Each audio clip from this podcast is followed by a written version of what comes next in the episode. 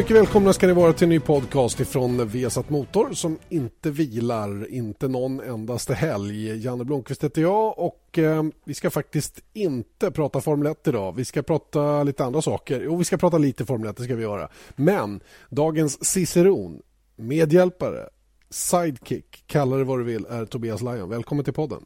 Tack så mycket. Känns det bra? Det känns bra det här. Det ska bli skoj med MotoGP-helg och eh, dessutom Speedway Grand Prix den här helgen. Just det, du har fullt schema. Själv så ska jag nöja mig enbart med DTM faktiskt. DTM som kör eh, den här helgen på Oschersleben i östra Tyskland, inte långt ifrån Magdeburg. Och eh, de kör inte med Formel 3 för en gångs skull den här helgen. Formel 3 som var i franska på den klassiska stadsbanan och tävlade förra helgen. Så de har, de har körledigt nu då, så det är bara DTM då för de som gillar detta. Eh, innan vi kommer in på det vi ska göra framöver så tänkte jag vi ska beröra någonting helt annat eh, som jag känner faktiskt ha lite beröringspunkter också för din sport, nämligen MotoGP. Eh, det är väl inte helt obekant att det har varit en hel del förändringar i reglementet då i Formel 1 till den här säsongen. Eh, inte minst har detta då påverkat ljudet från bilarna som eh, många har synpunkter på och framförallt inte är nöjda med. Och nu när man körde en två dagars test i Barcelona här i veckan, tisdag och onsdag, så under onsdagen så testade Mercedes en en, eh, ja vad ska jag kalla det? Jag kallar det för fåntratt eller dumstrut i, i min blogg. Ja. Man hade helt enkelt byggt på en liten bit på, på avgasröret och eh, en, en trattform då för att öka liksom, spridningen av ljudet då, lite mer metalliskt. Då. Det var väl inget lyckat försök och, och det känns som att eh, man är ute och famlar lite grann när det gäller att hitta då den här ökade ljudnivån på något sätt. Och vad jag försöker komma till här som har likheter med MotoGP. När man gick ifrån 500 kubik då, till de lite större motorerna så blev det ju en helt annan ett helt annat ljud, en annan karaktäristik på ljudet. En, en liknande förändring skulle jag vilja säga då. Högvarviga tvåtakts 500 kubikare till stora fyrtaktsmotorer då, som lät på ett helt annat sätt. Och hur mottogs det? Ja, steg ett var ju att det var ett... Eh, jag tyckte själv som uppväxt med tvåtaktare då att det var ett speciellt ljud i de här eh, fyrorna, tvåtakts 500 som, eh, som var fyrcylindriga. De allra flesta, det var ju några tvåcylindriga samtidigt där, men det var ett väldigt, eh, det var ett fylligt ljud och ett, ett rappt ljud på något vis i, i tvåtakt. Men den här fyrtaktseran där då som drog igång för tiotalet år sedan, då, då blev det en helt... Det blev mer likt ja, jag skulle nästan säga jetplan ett tag. Det var snudd på omöjligt att vara särskilt då bakom avgasrören där. Och det var lite blandat. De körde faktiskt blandade eh, cyklar där under två säsonger om jag inte missminner mig. Eh, och då, då hörde man ju dem på, samtidigt på banan då. Men jag, jag tror att det nu har landat även hos eh, publiken då, de som kollar, det fyrtaktsljud som är nu. Men jag, personligen tycker jag att de skulle kunna skruva ner några decibel på det där. Det är nästan så att det svider lite i öronen när man är i fel vinkel om man säger. Så du, du, är, du är lite åt andra hållet alltså mot vad F1-fansen är nu då, som tycker att det låter alldeles på tok för lite om, om bilarna den här säsongen och det, det är ju en, en klar minskning i, i framförallt frekvensnivå. Frekvensen som, tidigare, som motorerna tidigare låg på var ju runt 2500 Hz och nu ligger de på max 600 vilket gör att örat upplever ljudet helt annorlunda också. Det är ju kanske det som har orsakat det största rabaldret.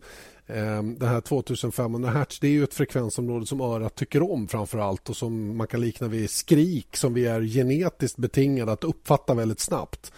Och Det var ju därför som det här vrålande ljudet från, från V8 och V10 de här högvarviga motorerna då var så var så genomträngande, det får man väl ändå säga. Nu är det ju mer mullrigt, murrigt ljud och, och eh, svårt för tv-produktionen att plocka upp det här ljudet också.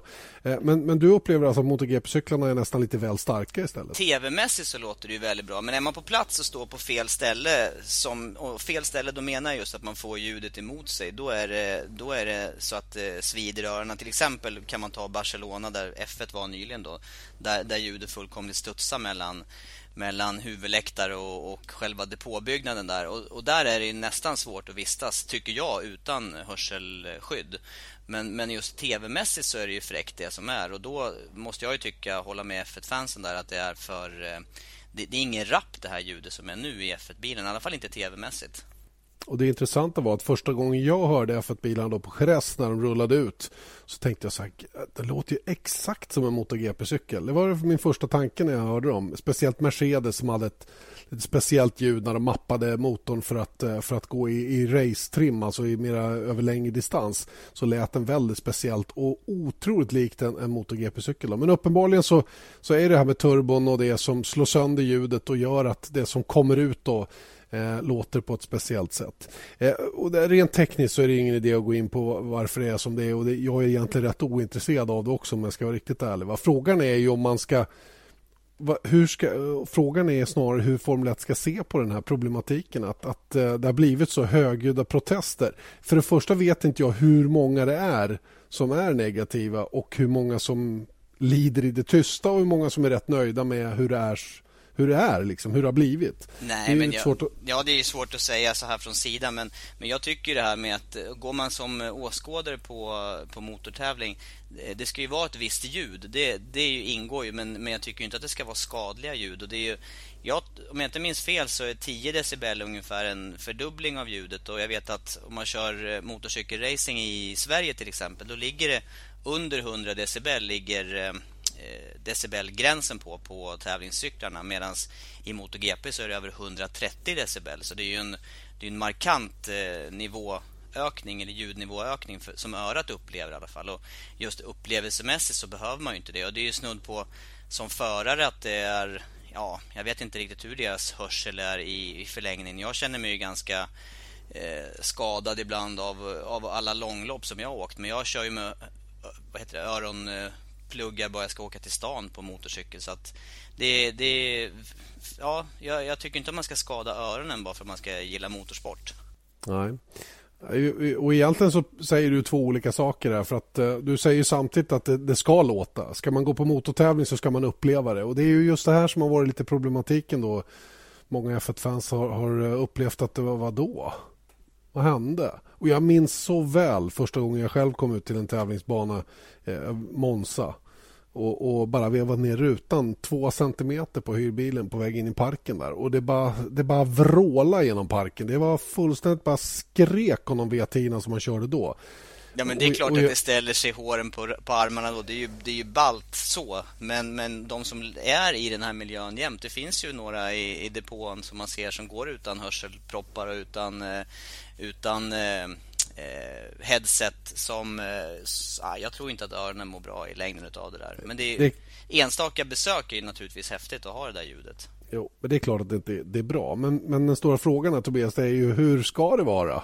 Hur ska det, för det, det är så många påtalat för mig. Då. Det är många som betalar rätt dyra priser för biljetterna. Och så åker de på Formel 1 som det är idag och sen så åker de därifrån och så, så tänker de så här, jaha, oj, det här lät ju inte så mycket. GP2-bilarna lät mera. GP3-bilarna lät mera. Till och med så Porscharna och säkerhetsbilen låter mera. Ska det, ja, nej, då ska det vara inte, så? Nej, det tycker inte jag. Det, då ska, det, det är för nedskruvat nu som det är i Formel 1. Men jag tycker också att de skulle kunna dra ner lite på ljudnivån i, i MotoGP. Den är ju det är ju, sen är det olika cyklar. Det beror ju på hur, hur tändföljd och annat ligger på cylindern om det, hur vass det låter. Som, det är rätt stor skillnad i ljudmatta från eh, Yamaha-cyklarna till Honda-cyklarna till Ducaterna. Det, det är olika hur örat upplever ljudet i alla fall på dem. Mm.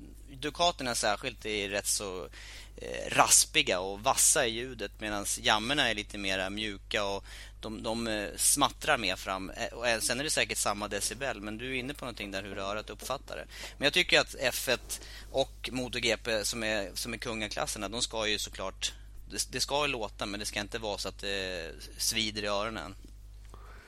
Då är den stora frågan om F1 har underskattat eh, hela den här stora förändringen då som man har, som man har fått till stånd då till den här säsongen med de här motorerna eller om man helt enkelt struntade i att eh, opinionen skulle, skulle låta som den gjorde. så att säga. Va? Det, är, det är en rätt intressant fråga. för eh, Som vår producent mycket riktigt påtalade för mig, Erik Stenborg sa att eh, det här hade de kunnat adressera redan från början om de bara hade tagit reda på vad som är viktigt för fansen. Och Det känns väl inte riktigt som de har gjort det. då att de har skaffat sig rätt underlag.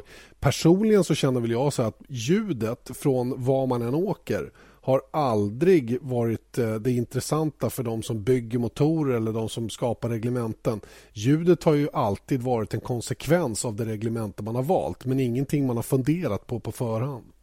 Nej, det stämmer säkert. Men jag, har, jag, jag, vet ju lite också vad du far efter. För det är ju samma problem i eh, Moto 3 tycker jag. Det är väl den klassen som, som känns eh, ljudmässigt som lite, lite trött. Alltså om man jämför med någon hyrkart eller någonting. Det känns som att det tar tid att, att hämta sig både i varvtal och i, i hur, hur varvvilliga de är och, och, hur det ljudet hänger med. Så att jag förstår ju att man inte är helt nöjd som eh, publik om det låter som att man går och tittar på någon, eh, något eh, företagsgig på en hyrbana. Nej. Nej, det där är intressant att eh, det, det, det, har visat sig vara en så pass viktig del av upplevelsen ändå. Jag, för min egen del så kan jag tycka, nu är det delvis ur ett jobbperspektiv, att det är ganska bekvämt när det inte låter fullt så mycket. Men det jag också har känt och det, det jag kan vara rätt kritisk emot det är ju tycker jag tv-produktionen att de, att de fortfarande inte mickar upp banorna på ett bättre sätt så att det plockar upp ljudet. Jag menar med, med ett långskott på en, eh, på en ett tele med en, med en mikrofon som står vid kameran och så plockar man upp bilen 100 meter tidigare.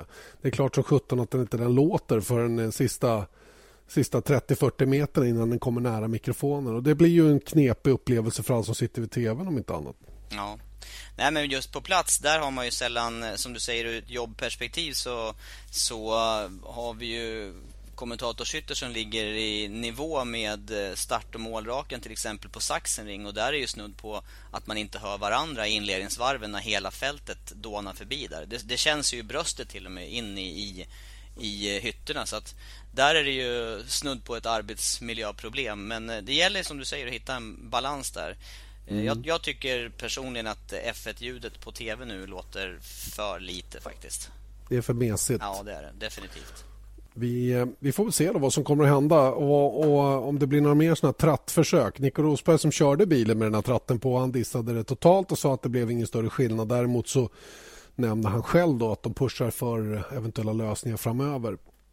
Eh, när vi ändå pratar om reglementen och sådana saker och, och, och håller oss på två hjul så eh, kommenterar du ju då en kategori som tycker jag har blivit lite rörig eh, till den här säsongen. Då. Hur, eh, hur upplever du det själv då med öppna klasser, fabrikshojar respektive kundcyklar och det är olika däck och det det är inte så lätt för den som eh, är halv, halv oinvigd eller i alla fall så här lagom intresserad att hänga med.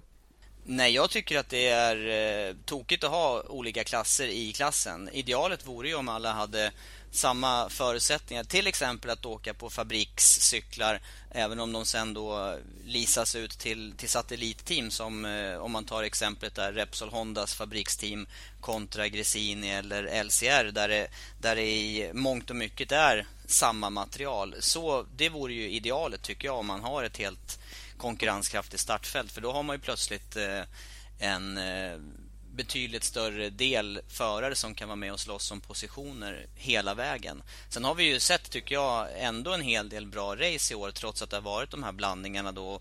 Framförallt så har det varit spännande kval och så vidare med, med de eh, team och förare som får använda mjukare däck under kvalen. Men sen blir det ju annat när det väl blir racedag.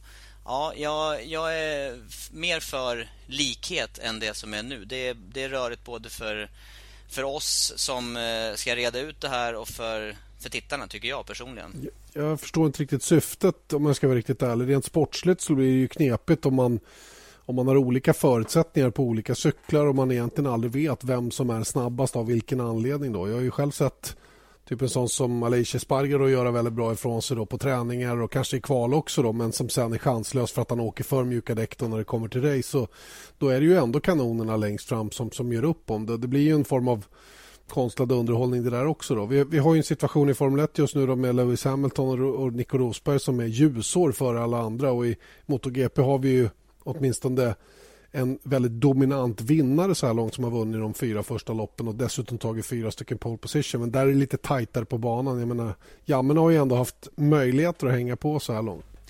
Ja, visst är det så. Eh, det, den där skillnaden som du pratar om i Formel 1 nu, då blir det ju nästan till ointressant. Och jag tycker också att eh, det som är reglementsmässigt det, eh, det mest intressanta för tittarna och för, för de som följer racen, det är ju Moto 2-klassen som, som har ett enhetsreglemente på eh, motorerna och sen eh, så är chassierna fria och så åker man på likadana däck rakt av. Då blir det ju, ett, eh, då blir det ju ett jäm, jämna förutsättningar i racen.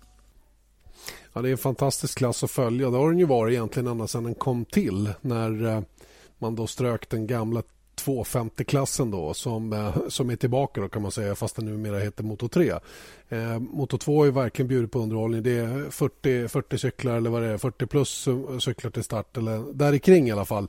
Och, och, alla är rätt så jämna då och det blir eh, otroliga omkastningar och det är ju kanske det där man saknar många gånger i MotoGP i alla fall de senaste åren då med dels med all elektronik då och sen att det inte har varit speciellt jämnt fram i toppen heller. Nej precis, så att det är för få förare som sitter på konkurrenskraftiga cyklar. Och det ser man ju också under eh, säsong där att i Moto 2-klassen där är det eh, betydligt större eh, andel förare som eh, dels har pallplatser men också segrar. Så att det gör ju att det blir eh, öppnare och eh, att, att racingen blir tätare helt enkelt. Man måste, man måste göra det där lilla extra för att passera till exempel i och med att det är identisk effekt i, i cyklarna eller så, så nära identiskt det går nu då med, med motorer.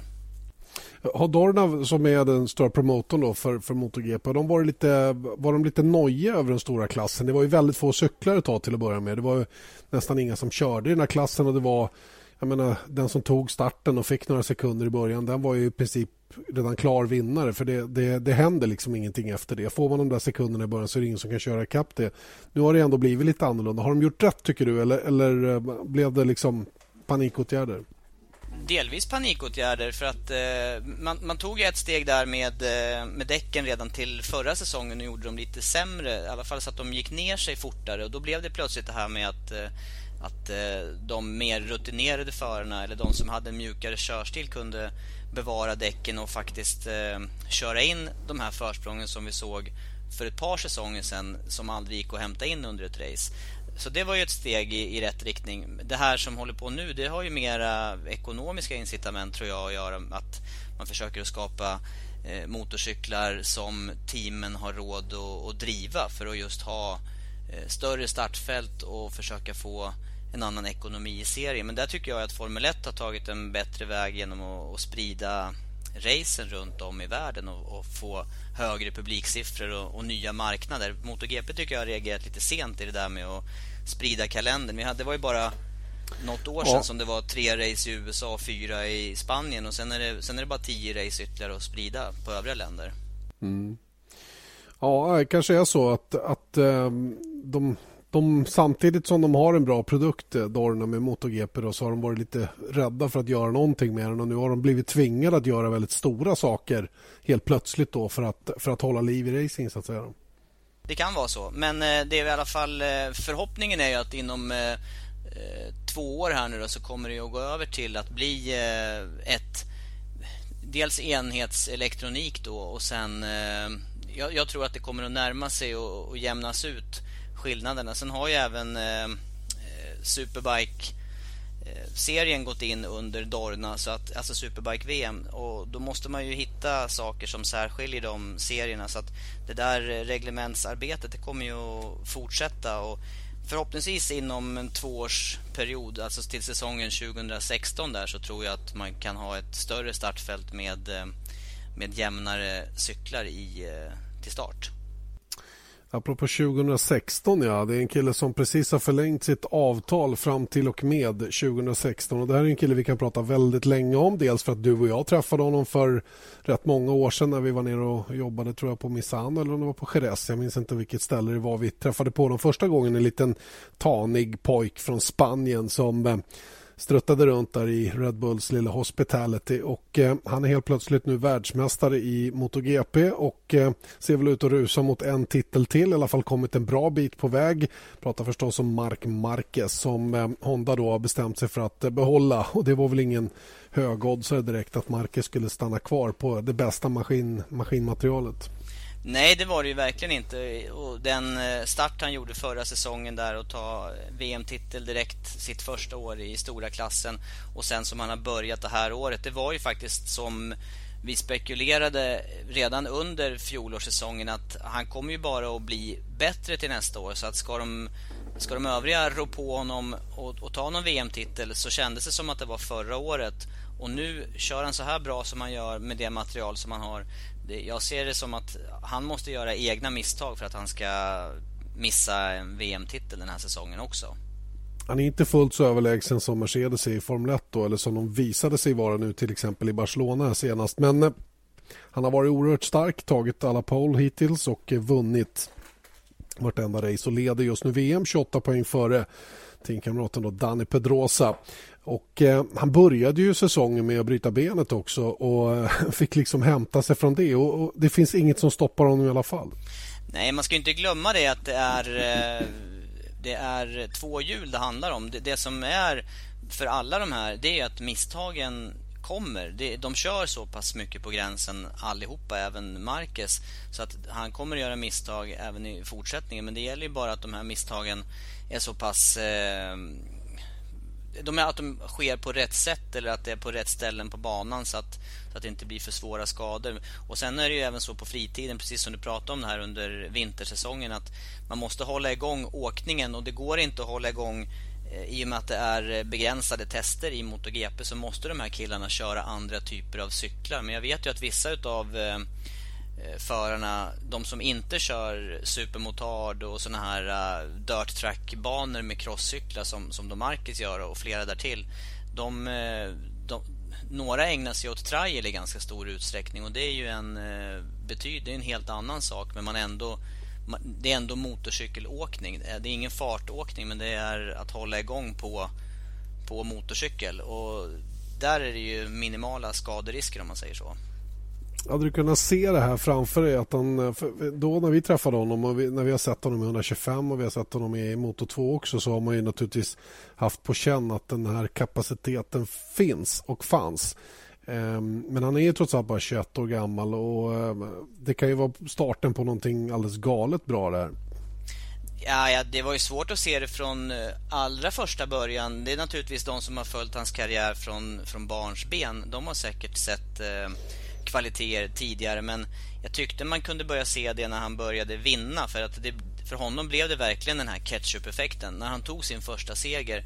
Sen har jag inte exakt procenttal i huvudet men jag för mig att han är definitivt han är över 50% i eh, segrar i alla race som han har kört efter han tog sin första seger. Och eh, han, jag tyckte man kunde börja se i eh, Moto 2 när han åkte Suterchassi och eh, började vinna och slå mm, förare med Kalix chassi som var bättre då för tillfället att, att han, har, han har någonting alldeles extra. Och han visar ju det också i Moto 2-klassen eh, vid något tillfälle där på Motegi när, han, eh, när starten gick och han hade friläge i och i princip var sist iväg från startlinjen och ändå gick och, och vann racet. Och sen hade han även ett sånt tillfälle när han blev bestraffad i Valencia tror jag samma säsong där han mm. startade sist och körde upp sig och vann. Så att, eh, det, det, gör man inte. Vem som helst gör inte det i den klassen som vi snackar om som är så pass jämn.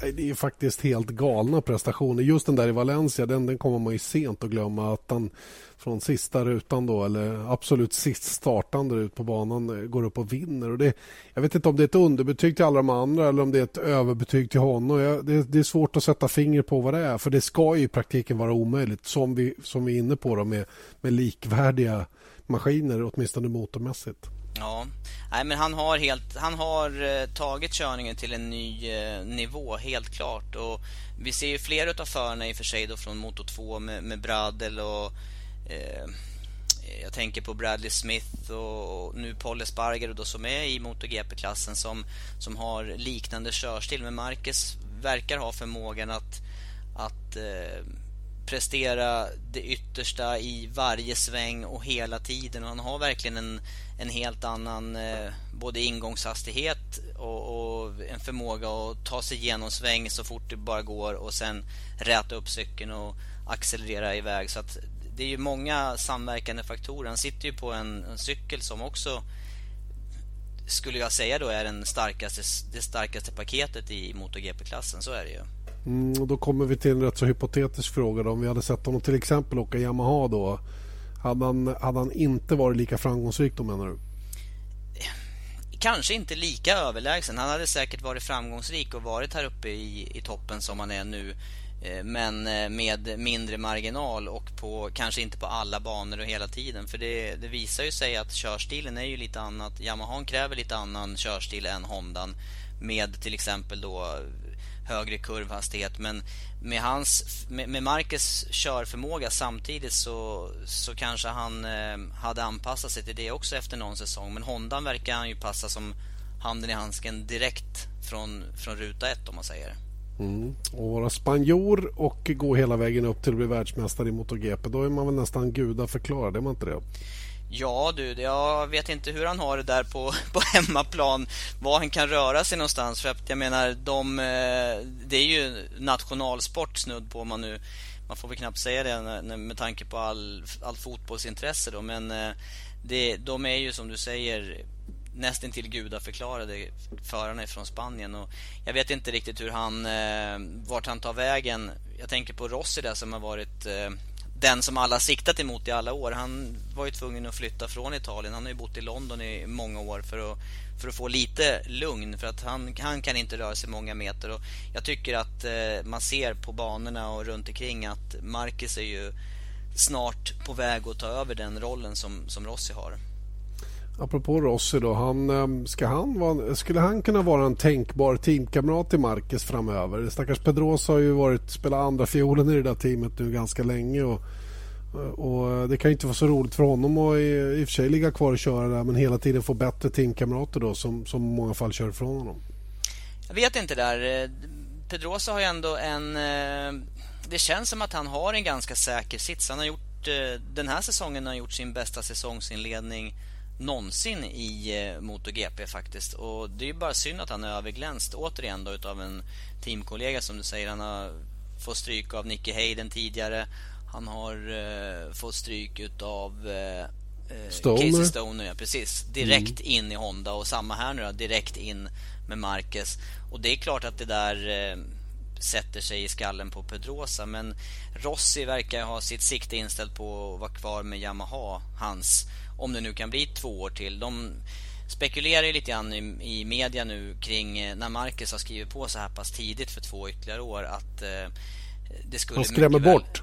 Ja, det skulle mycket väl kunna bli de eh, föruppställningarna som är just i Honda och Yamaha ytterligare åtminstone en säsong men kanske även två säsonger då så att Lorenzo de, de tar ju knappast in Lorenzo i, i Repsol-teamet med Marquez där utan då Varför inte? Det är troligare.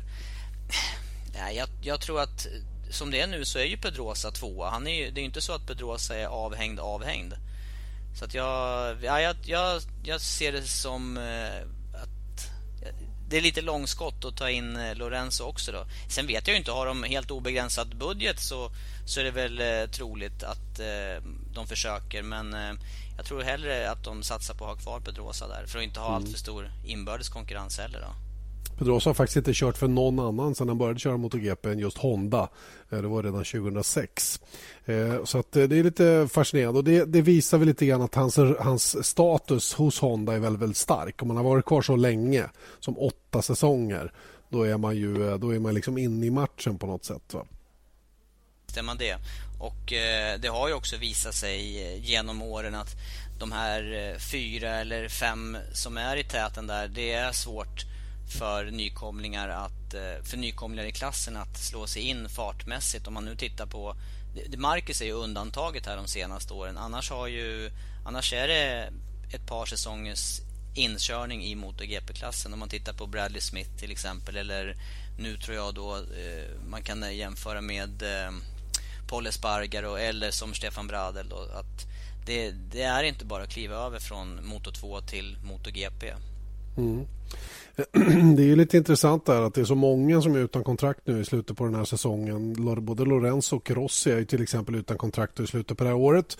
Båda har ju då eh, uttryckt sin önskan att stanna kvar hos Yamaha och det känns inte riktigt som att det är några andra som står och knackar på dörren direkt och vill ta över de här platserna eh, och skulle göra ett bättre jobb än både Lorenzo och, och Rossi gör idag så att säga. Va? Sen, sen, finns det en massa unga killar då som naturligtvis också...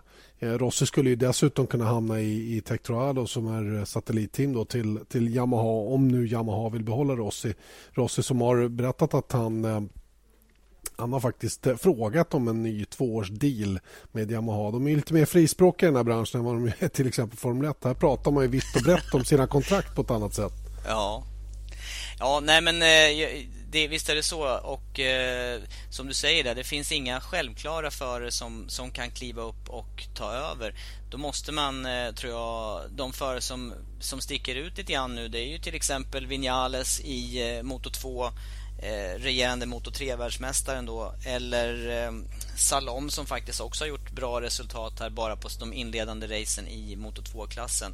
Sen pratar man ju lite grann om eh, de här ännu yngre generationen då med, med Jack Miller i Moto 3 och sen finns det en fransman med som heter Quartararo eller något sånt där i, eh, som åker i eh, spanska mästerskapen som har eh, visat lite extra körmässigt. Men, men det är några få namn då. De åker än så länge i mindre klasser och har precis klivit in i sina respektive klasser på konkurrenskraftigt material. Så det är, nej, det, det är ett eller två steg kvar. Men helt klart så måste det till någon påfyllning sen då för att eh, matcha Marcus tror jag. Annars så kommer det bli mycket enmansshow ett litet tag framöver här. Skulle Bradel, Stefan Bradel, tysken, någon som kör för um, LCR Honda. LCR Honda, ja. Just det. Skulle han kunna vara intressant att plocka upp i fabriksteamet? Alltså jag tycker att han skulle ha varit... Eh, han skulle ha visat fler höga och riktigt eh, bra resultat redan nu i och med att eh, han sitter på fabrikscykel. Det är fabriksmaterial även om det är ett satellitteam som, som driver eh, satsningen. Så att Eh, han har gjort ett riktigt bra race och det är ju på Laguna Seca där han tog pole och var tvåa förra säsongen. Eh, I övrigt så är han ju utanför pallen konstant och det, nej jag tycker inte riktigt att det duger. Då skulle han ha visat de kvaliteterna redan nu då. Det, nej, mm. inte riktigt. Vi får se vad som kommer att hända. Då. Intressant med Marcus i alla fall som alltså förlängt sitt kontrakt med eh, Honda och kommer att sitta kvar på den cykeln ända fram till slutet på säsongen 2016. Några som inte kommer att vara kvar så länge det är ju faktiskt Bridgestone som nu eh, kastar in handduken även i MotoGP-sammanhang. Man finns ju inte kvar i eh, i Formel 1 där man var tidigare ersattes då av Pirelli och nu lämnar man alltså lite överraskande då även eh, MotoGP då och eh, kommer att kliva av tåget efter nästa säsong. Eh, dock har eh, den japanska däcktillverkaren då eh, sagt att man fortsätter att utveckla däck. Man kommer inte att sluta eller strunta i mästerskapet bara för att man nu har bestämt sig för att lägga av. Hur kommer det här att påverka tror du? Ja, det är ju fortfarande lite öppet här. Det är eh, några, någon vecka, dryg vecka innan... Eh, innan man stänger Ja, innan man stänger fönstret och budgivningen, precis. Eh, och om det då blir ytterligare ett märke som tar över eller om det kommer att släppas fritt igen. Det står ju lite skrivet i stjärnorna fortfarande. Det är inte riktigt, det är inte riktigt klart. Men jag tror ju att de, de stora farhågorna som förarna uttrycker det är ju till exempel hur eh, ett nytt märke då, om det skulle bli ett enmärkes, eh, en enmärkessatsning igen med däcken, hur det skulle eh, påverka till exempel säkerheten då, för Bridgestone har ju ändå haft lång tid nu på sig att utveckla bra däck och man har väl sällan läst så mycket positiva reaktioner från förarna som nu när Bridgestone då väljer att dra sig ur. Då är det plötsligt inte odelat positivt men det är betydligt mer positivt än vad det har låtit tidigare. Mm. Så säkerhetsaspekten är ju en sak men sen är det ju steg två det är ju hur bra racing det blir utav det och jag tycker ändå att man har visat från Bridgestones sida då under fjolåret att det går att tillverka däck som, som ändå eh, jämnas ut under, en, eh, under ett race eller under en racedistans. Mm. Så eh, ja, det, det är lite det är lite svajigt. Det, är många förändringar som, eh, som kommer att ske då till säsongen 2016. För Bridgestone kommer att åka, ja, de kommer åka ett år till eller vad heter det, förse GP-cirkusen eh, eller MotoGP-klassen en säsong till med däck. Mm. Eh, ska jag nämna också att eh, två förare faktiskt har gjort eh, operationer under uppehållet som har varit här. De har gjort såna kallade armpumpsoperationer. Man har öppnat den här eh, vad är det, muskelsäcken som man har runt underarmen. Va? Underarmsmuskeln och eh, många råkar ut för det här med armpump. Det är ganska vanligt i motocross framförallt men jag har även hört både speedwayåkare och MotoGP-förare då som, eh, som får problem med att eh, man krampar i underarmen helt enkelt och då måste man eh, snitta upp den här Eh, det, det är som en eh, liten, eh, vad ska jag kalla det? Ja, det ingen, av oss är läk- ingen av oss är läkare, eller? Verk, verkligen Riktigt. inte. Men eh, det, det som du säger där, både Bradel och eh, Pedrosa har gjort eh, sån mm. operation här nu och eh, det är ju väldigt påfrestning på underarmarna just i och med att man eh, i princip har hela vikten i, det är framförallt bromsningarna som är den tunga delen för en MotoGP-förare. I cross så är det ju då är det ju ett konstant ja, pumpande stötande. Ja, stötande hela tiden. Men, men just i MotoGP så handlar det om, om bromsningarna där och eh, eh ja, då, då, drabbas man av det så blir, så blir man ju helt eh, kraftlös och det är till och med svårt att hålla sig kvar på cykeln. Så att det, är klokt jag... att, det är klokt att genomgå den här operationen om man har möjlighet och, och, och problemet har uppstått. Var det inte Stoner som vid något tillfälle för när han körde det sista eller näst sista året som, som helt enkelt avbröt ett race för att han hade problem med det här och inte kunde köra vidare ens? Ja, jag ska låta det, kan, det vara, ja, jag ska ja, låta det vara osagt om det var han men det, det, var någon i alla fall som, som fick sådana stora problem att han överhuvudtaget inte kunde köra färdigt. Det där känner säkert de som åker mycket motorcykel till känslan. Jag vet många i alla fall som har snittat upp den här det är som en, eh, ja, det är som en påse runt underarmsmuskeln då, som blir för trång helt enkelt vilket gör att muskeln då krampar och kanske inte får det blod som den behöver och syretillförsel då, som gör att man klarar sig från den här krampen i underarmarna. Det vill man inte ha när man kör runt på en sån här motorcykel. Eh, om vi blickar lite framåt då mot eh, helgen Tobias så är det ju alltså Frankrikes Grand Prix som gäller den här helgen. Le Mans, en bana du känner till väldigt väl efter dina egna endurance äventyr, alltså långlopps, eh, långloppsåkning då. Och, ganska intressant bana. Lite start-stopp-karaktär på den, va? Inte det? Ja, visst är det så. Och eh, även den, liksom Jerez här, det är ju en bana som har funnits ett bra tag på kalendern. Och det är lite äldre stil på, på dragningen där och den är även ganska så smal. Och det pratar ju framförallt nya förare om då i MotoGP-klassen, att det blir väldigt, väldigt eh, trångt och, och de har inte så många, de har inte så stor yta att spela på när det gäller omkörningar eller ens eller ens eh, olika spårval. Eh, det, åt andra hållet där när det handlar om spårval så såg vi ju racet i Argentina där jag tyckte man hade en helt fantastisk eh, layout på banan som, som tillät förarna åka till och med i stora klassen både 3 och 4 i bredd på sina ställen. Men det kommer vi inte se så mycket av på Le Mans. Men däremot så finns det ju några riktigt bra omkörningsställen då i och med att det är start och stopp så, så finns det ju ändå möjligheter att gå på hårt på broms och, och passera på en hel del ställen där runt varvet. Roam, jag tittar lite grann på väderprognosen för kommande dagarna och eh, det ser faktiskt riktigt hyggligt ut. Det ska bli sol alla tre dagarna både eh, fredag, lördag och söndag och det är runt 18, 19, 20 grader varmt ungefär. Så det kan närmast inte bli bättre i det avseendet i alla fall. Vi har ju själva kommenterat när det har regnat en hel del där och varit lite småstökigt väder i största allmänhet. Eh, vad förväntar du dig av det då? Kommer, det se någonting, kommer vi se något annorlunda när vi kommer till, till Frankrike nu än vad vi har sett de fyra första racen? Nej, i och med att det är start och stoppbana då så är det igen eh, fördel Honda och då är det ju Marquez återigen som, som har allra störst eh, möjlighet att vinna med den körningen som man presterar just nu. Och det var ju förra året som du säger, det, det, den är ganska väderutsatt banan. Det är inte allt för långt ut till Atlanten och det är inga bergskedjor och annat emellan så att när väderförändringarna eller när, när vindarna blåser utifrån Atlanten så kan vädret fort förändras. Och det är det man har sett oftast därifrån tycker jag. Och, och Marcus gjorde ju ett, eh, sitt första eh, blöt eller våta race under eh, fjolåret där på MotoGP-cykel. Och det tog ju inte mer än 3-4 varv så tyckte han att han hade känsla för att åka på blött med, med MotoGP-cykel. Och är det då dessutom torrt den här helgen då eh, nej, jag har svårt att se att någon annan ska kunna rå på honom. Men då är det återigen det här med, eh, i och med att det är två hjul, ett litet misstag så, så kan det vara både krasch och i värsta fall då att, eh, att han skulle kunna göra illa sig. Den risken åker ju alla med hela tiden i eh, motorcykelracing. Fast vissa mer än andra.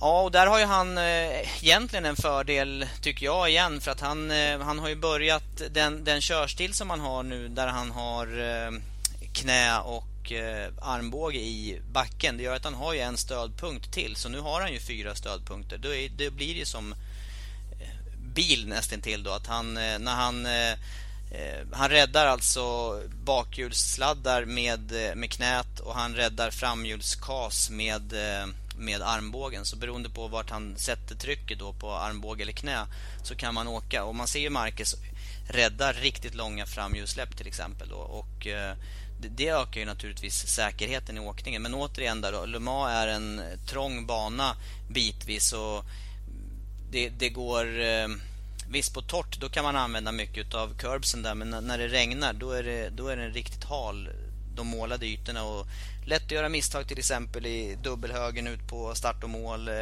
ja, och där går det inte så fort men, men det är fortfarande lätt att, att göra en miss som kan resultera i krasch. Mm. 9.45 imorgon bitti är du på plats tillsammans med Niko Milovanovic och då är det alltså träning 1 för MotoGP-klassen. De övriga klasserna ser ni inte förrän framåt eftermiddagen där ni börjar med Moto3 då, träning 2 13.05. Moto, MotoGP tränar eh, för andra gången då 13.55 och sen har vi Moto2 då som avslutar fredagens aktiviteter start klockan 15.00. Eh, lördagens program är ju eh, eh till att börja med då eh, där vi kör träning 3, start 9.45 också. Sen är det då kval för alla tre klasserna då med Moto 3-kvalet 12.30 där eh, MotoGPs träning 4 då som leder in i Q1 så att säga då 13.20 och sen börjar kvalet då 14.10 för MotoGP-cyklarna och sen Moto, Moto 2 då som avslutar eftermiddagen 15.05 och eh, detta är då lördagen. Och sen har vi söndagen då till slut där eh, det är warm-up då 09.35 på söndag. Och sen börjar racen då med start kvart i 11 och så håller de på hela eftermiddagen då. Vill du bara se MotoGP-racet ja då tittar du från 13.30 vad jag vill säga också då är att vi har ju V8 Supercars den här, ifrån, den här helgen ifrån Perth. Och eh, då får man stiga upp tidigt på morgonen om man ska hinna med och se allting som eh, allting som sker ifrån, eh, ifrån Perth. Eh, jag tror att det är lördag morgon de börjar 6.15, 06.15 race 1 och race 2 08.20. Och sen har vi väl på söndag morgon också ja, 07.40 race 3. Eh, alltihopa detta då live från V8 Supercars i Perth. Och Sen har vi då natten mellan lördag och söndag 02.30. Då är det All Star Challenge. Eh, så det är inte en normal Nascar-helg 02.30 fram till 06.15 på söndag morgon sin i Nascar. Då. Så att, du vet, man behöver aldrig gå och lägga sig Tobias. Nej, det är det, det som är så fantastiskt. Ja, det är fantastiskt med, med Eh, motorsport som pågår på olika kontinenter och som dessutom sänds här då i direktsändning. Jag tycker det är jättebra. Sen glömde du kanske, eller så har du bara sparat det bästa till sist. Ja, det är klart jag gör det. du Nej, tänker men... på DTM, ja. DTM ja, från, det från Årsesleben. Ja, ja, och sen tänker jag på Speedway GP också. Ja, just det. Men det ska jag komma till. Då, för ja, det, det, är ju också lördag kväll. Ja. Men vi börjar med DTM då, som alltså kör på Årsesleben. Det är andra helgen nu. DTM som eh, hade en brakande start tycker jag i, eh, i Tyskland på Hockenheim med eh, BMW som vann före Audi, Mattias Ekström på andra plats. Det var ju Marco Wittman som vann. Men det intressanta var ju de här två däckvarianterna eh, eller däckvalen som man gjorde av de två gubbarna längst fram. Eh, nytt reglement i år alltså där det visar sig att den mjuka gummiblandningen var åtminstone på Hockenheim upp mot två sekunder snabbare än det hårda däcket. Men man fick bara åka 50% av distansen på den ena blandningen, alltså det vill säga på den mjuka blandningen. Så att här var man ju tvungen då att om man startade på mjuka köra halva racet sen gå in och köra på de klart långsamma då andra halvan och då gäller det då att ha skaffat sig en så stor lucka fram i täten så att man klarar det. För de som börjar på hårda och avslutar på mjuka det blir vice versa. Va? Så att det var ju väldigt väldigt intressant tycker jag på Hockenheim senast. Och Ekström gjorde ju den, den senare taktiken, började på hårda tappade en lucka på nästan 40 sekunder som man då körde ikapp merparten av dem. Det räckte inte hela vägen fram. Startade femma och slutade på en andra plats. Wittman startade ju tvåa tog sig ganska snabbt förbi Adrian Tambay i starten och sen eh, eh, fick han då den här luckan som krävdes för att hålla undan fram i täten. Och hur det här kommer att se ut på Årsesleben, det blir jättespännande att se. Kvalet... har jag, där har jag faktiskt ganska mycket erfarenhet av Årsesleben. Där har jag också åkt 24 timmars lopp ett antal gånger. Det, är, det måste ju, jag kan inte säga någonting om Hockenheim men, men det är en helt olika bankaraktär måste ju vara helt annorlunda i alla fall och även ytan att åka på om man tänker på att Årsesleben också är en väldigt smal bana liksom jag var inne på Le Mans här. trång och liten och över krön och blinda Apex och eh, massor med konstigheter. Det ska bli väldigt spännande att se vad Årselsleben har att erbjuda faktiskt. DTM-kvalet som ni ser 15.05 på lördag. Eh, glöm inte att det är Viasat Sport som gäller. Viasat Sport alltså för DTM-kvalet på lördag som direkt följs av Porsche Carrera Cup. Tyska mästerskapet Race 1 16 och 20 med Ola Nilsson i en av bilarna. Ola har ju flyttat över till den där kategorin Eh, från och med den här säsongen. Och eh, Carrera Cup kör ett andra race också på söndag. Eh, startar 09.55 också det är Viasat Sport. Däremot ser ni DTM-racet med start 13 och 15. 13.15 startar vi sändningen, då är vi på TV10. Men då är vi tillbaka vid det du saknar där lite grann då, nämligen nämligen GP, Speedways Grand Prix ifrån Finland. Och jag letar febrilt efter sändningstiden här som eh, jag hittar ja, där. 18.00. Ja, annars skulle jag fyllt på där. Ja, men det är bra. 18.00 eh, från eh, Tammerfors. Anledningen till att man startar 18.00 det är förstås då för att det är eh, för att det är i Finland då som ligger en timma före oss i tid. Och eh, normal start för GP är ju då lokal tid 19.00. Så att eh, 18.00 är starten alltså. Och det där blir ju spännande. Vem, vem tar det den här gången tror du?